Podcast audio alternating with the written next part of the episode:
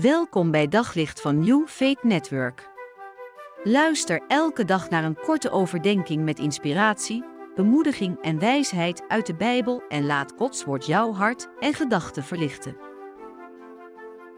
Ik wil vandaag een stukje met je lezen uit Lucas hoofdstuk 8 vanaf vers 5, waar Jezus een verhaal vertelt. Iemand ging eens naar zijn land om te zaaien. Terwijl hij daarmee bezig was, viel wat zaad op de weg en het werd vertrapt en door de vogels opgegeten. Er viel ook wat zaad op rotsachtige bodem, maar toen het opschoot, droogde het uit door gebrek aan water. Ander zaad viel tussen de distels. En toen de distels opschoten, verstikten ze het. Maar er viel ook wat zaad in vruchtbare aarde, en dat bracht honderdvoudig vrucht voort toen het was opgeschoten.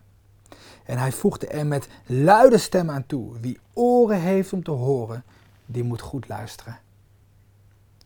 Eigenlijk vertelt dit verhaal dat je de wereld van de kerk zou kunnen opdelen in grofweg twee categorieën. Waar ze, in, in, op elkaar lijken is dat ze allebei zo af en toe op plekken komen waar het zaad van het evangelie gestrooid wordt. Maar waar ze niet op elkaar lijken is dat die ene categorie groei-issues heeft en dat die andere categorie een gezonde geestelijke groei doormaakt. En de belangrijke vraag die Jezus eigenlijk hier stelt, nee, hij schreeuwt het zelfs uit. Wie oren heeft om te horen, die moet goed luisteren. Is hoe staat het nou met jouw hart?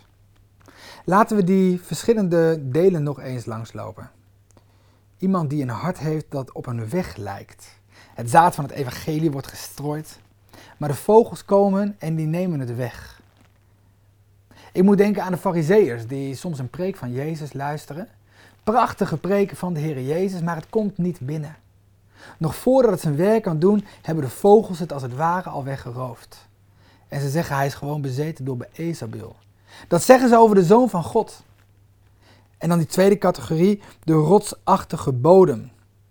Het zijn de mensen van het snel aannemen van het evangelie, maar wanneer het wat kost, dan laten ze dat evangelie ook direct weer los.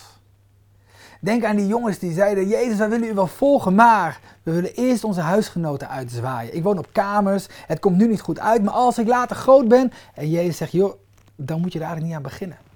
Of iemand anders die zegt: Jezus, ik wil u wel volgen, maar ik wil eerst mijn vader begraven. Nou, die vader die was nog helemaal niet gestorven. Maar hij zegt: Zolang mijn ouders leven, kan ik u niet volgen, want mijn ouders die trekken dat echt niet. En dan zegt Jezus: Joh, dan moet je er eigenlijk niet aan beginnen. En dan die derde categorie, de distelcategorie.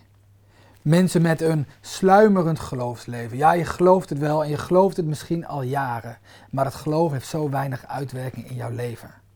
Jezus zegt, als je dat evangelie hebt ontvangen, dan wil dat zijn als een licht. Dat licht geeft in je eigen hart, maar ook in de wereld om je heen. En dat moet je niet verstoppen onder je luiheid, je moet het niet verstoppen onder je werk. Nee, je moet het op een standaard zetten, zodat iedereen dat licht van het evangelie kan zien. En vandaag wil ik je vragen, hoe staat het met jouw hart? Weet je, wij hebben allemaal een soort, wat de Bijbel noemt, een soort wedergeboorte nodig. God wil je een nieuw hart geven. Ik sluit af met die mooie tekst uit Ezekiel hoofdstuk 36. Waar God je dit belooft. Ik zal je een nieuw hart geven en een nieuwe geest.